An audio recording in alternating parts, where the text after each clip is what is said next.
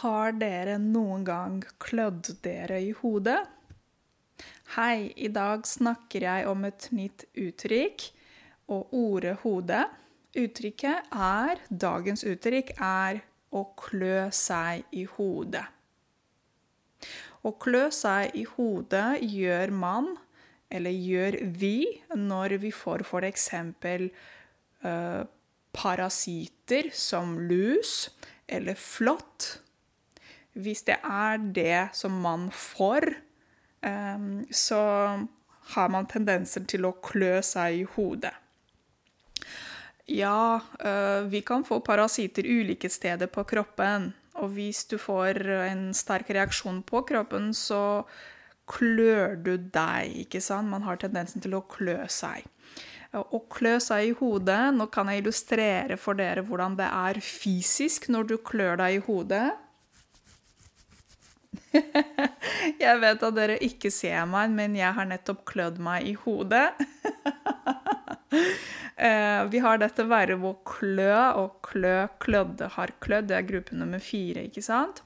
Det er disse korte verbene som eh, kommer i gruppe nummer fire, som ikke slutter på e i infinitiv. Så vi har flere verb i gruppe fire, ikke sant? Å klø, å ha, for eksempel, å bety, å tro, osv. Så, videre. så mm, det er det det betyr å klø seg i hodet når du får parasitter i håret. Uh, men å klø seg i hodet kan også bety um, noe mer metaforisk. Ehm, man kan også klø seg i hodet, ikke bare fordi man får parasitter, men fordi man er forvirret. Rådvill. Usikker. Man forstår ikke helt. Hva er dette? Jeg forstår ikke. Hva er det? Det er noe nytt. Det er en ny situasjon man opplever. Og da klør man seg i hodet. Man klør seg i hodet. uh, OK, nå skal jeg prøve å gi dere noen eksempler på dette. For eksempel, la oss si at um, du tar en tur i skogen. Eller én person, da. Ikke nødvendigvis du, men det er en person som går en tur i skogen, og så plutselig ser denne personen en stor, stor stein, men det er en veldig unormal stein.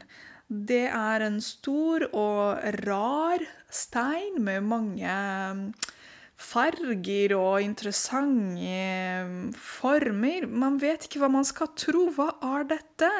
Så um, vi kan si eksempel eh, denne mannen eh, så mest sannsynlig en meteoritt, og han klødde seg i hodet først, fordi han forsto ikke hva dette var. Ok? Så denne personen, kanskje denne mannen, jeg vet ikke, det er bare et eksempel til dere. Denne personen hadde nettopp sett en meteoritt, og det er veldig spesielt. ikke sant? Det er ikke helt noe normalt. det er ikke sånn at vi ser det overalt og hele tiden. ikke sant? Så det er bare sånn Man vet ikke hva man skal tro. Man forstår ikke helt.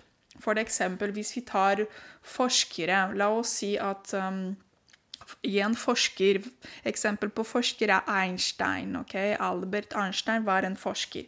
Så la oss si Eh, at det er noen forskere som ser på en insekt, men det er en veldig spesiell insekt. De har aldri sett, sett den type insekt, denne type insekten. Så du kan si for eksempel forskerne klødde seg i hodet etter at de hadde sett i denne rare insekten. De visste ikke, de visste ikke hva de skal tro. Fordi de har aldri sett det. De, de, vet ikke hva det er. Det er veldig spesielt, ikke sant? Um, ja. Og så har vi um, til dere som er interessert i snowboard, det er en flink uh, snowboardkjører fra Hønefoss. og han uh, er veldig flink, syns jeg. uh, og denne gutten det som er spesielt med han eh, Hva heter han? Fridjof? Jeg husker ikke til et land. annet. han kjører snowboard med en ryggsekk på ryggen. Det er veldig spesielt, ikke sant? Og han er profesjonell. Og, Og det er det han uh, driver med. Han er snowboardkjører. Hvordan sier man uh, snøbrettkjører? Uh, fordi snowboard heter også snøbrett på norsk. Så vi kan lage Jeg kan lage en setning for dere Eh, den eh, norske gutten fikk eh, alle til å klø seg i hodet, og forsto ikke Alle forsto ikke hvorfor denne gutten hadde en ryggsekk på seg mens han um, kjørte snowboard. Så der er det en, et eksempel på en gutt som gjør noe litt mer spesielt, litt mer, noe mer unormalt. og folk forstår ikke helt hva de skal tenke, hva de skal si. Hva er dette? Jeg er veldig forvirret. Hvorfor er det sånn? Så hvis du sitter med sånne spørsmål, og du får en sånn fysisk reaksjon på kroppen og tendens til å Oi, når du klør deg bak hodet, så tenker du og tenker og tenker Hva er dette? Jeg skjønner ikke. Hva er det? Da er det det jeg snakker om. Det er det uttrykket jeg snakker om. Det er mange mange eksempler man kan bruke når det gjelder dette uttrykket. Til dere som er interessert i fotball, f.eks., så kan du si at du er veldig glad i et uh, fotballag. Du vet at de kjører, de er veldig flinke.